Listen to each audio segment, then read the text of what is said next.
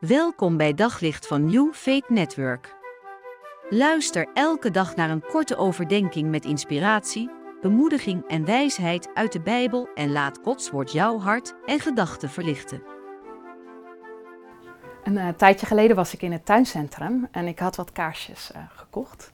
En uh, ik stond bij de kassa, ik wilde ze afrekenen en het meisje bij de kassa die slaat ze aan en die zegt, nou dat is zoveel geld.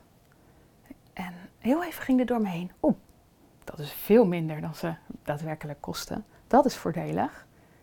Maar ik zei, uh, ze zijn veel duurder eigenlijk. Ze keek me even verbaasd aan. Ze keek naar de lange rij achter me. Keek me toen licht geïrriteerd aan. Sloeg ze nog een keer aan. Het was een iets hogere prijs. Het was nog steeds bij lange na niet wat ze kostte. Dus ik zei, uh, eigenlijk zijn ze 8 euro. Toen keek ze me heel geïrriteerd aan. Ik denk dat ze dacht, uh, wat zeur je? Je hoeft minder te betalen in plaats van meer. Wat is het probleem? In uh, 1 Petrus 2, vers 4 en 5 staat het volgende. Voeg u bij hem, bij de levende steen die door de mensen werd afgekeurd, maar door God werd uitgekozen om zijn kostbaarheid. En laat u zelf ook als levende stenen gebruiken voor de bouw van een geestelijke tempel vorm een heilige priesterschap om geestelijke offers te brengen, die God, dankzij Jezus Christus, welgevallig zijn. Er staat hier dat Jezus uh, de levende steen is en dat hij door God wordt uitgekozen om zijn kostbaarheid. En afgekeurd werd door mensen. Nou, de fariseeën waren vaak woest op Jezus als die weer eens haarfijn de vinger op de zere plek legde en liet zien dat zij zich niet, zelf niet aan hun hoge wetten konden houden.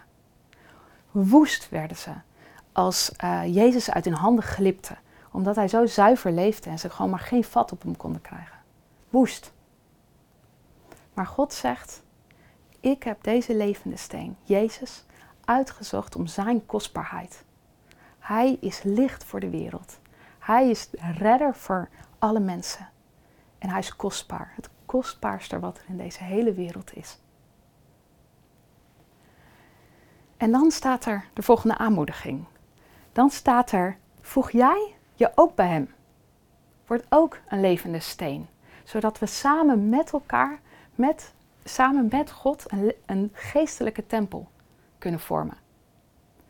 Een geestelijke tempel vormen betekent dat we met elkaar, staat er, geestelijke offers mogen brengen. En dat is volgens mij voor Jezus kiezen. Ervoor kiezen om je door Hem te laten gebruiken. Om een levensstijl van aanbidding uh, te leiden. En uh, dat is denk ik zoveel als dat uh, ik ervoor kies om God als belangrijkste te zien. En keuzes te maken die Hij mooi vindt. Die kiezen voor Hem. En heel vaak is dat onzichtbaar.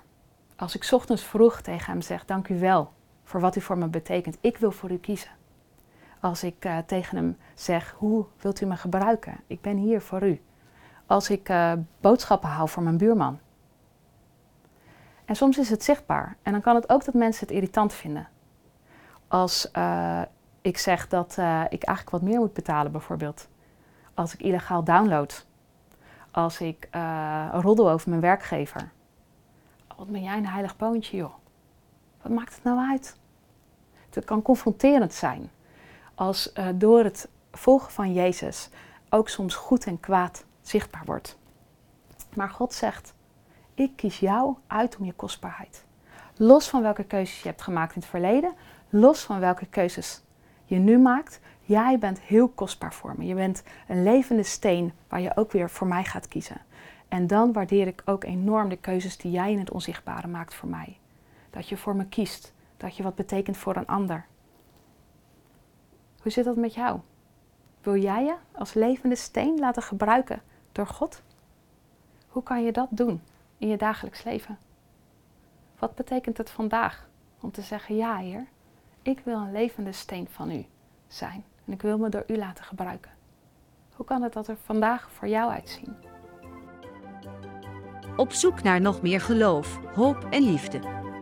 Op New Faith Network vind je honderden christelijke films, series en programma's. Nog geen lid? Probeer het 14 dagen gratis op newfaithnetwork.nl.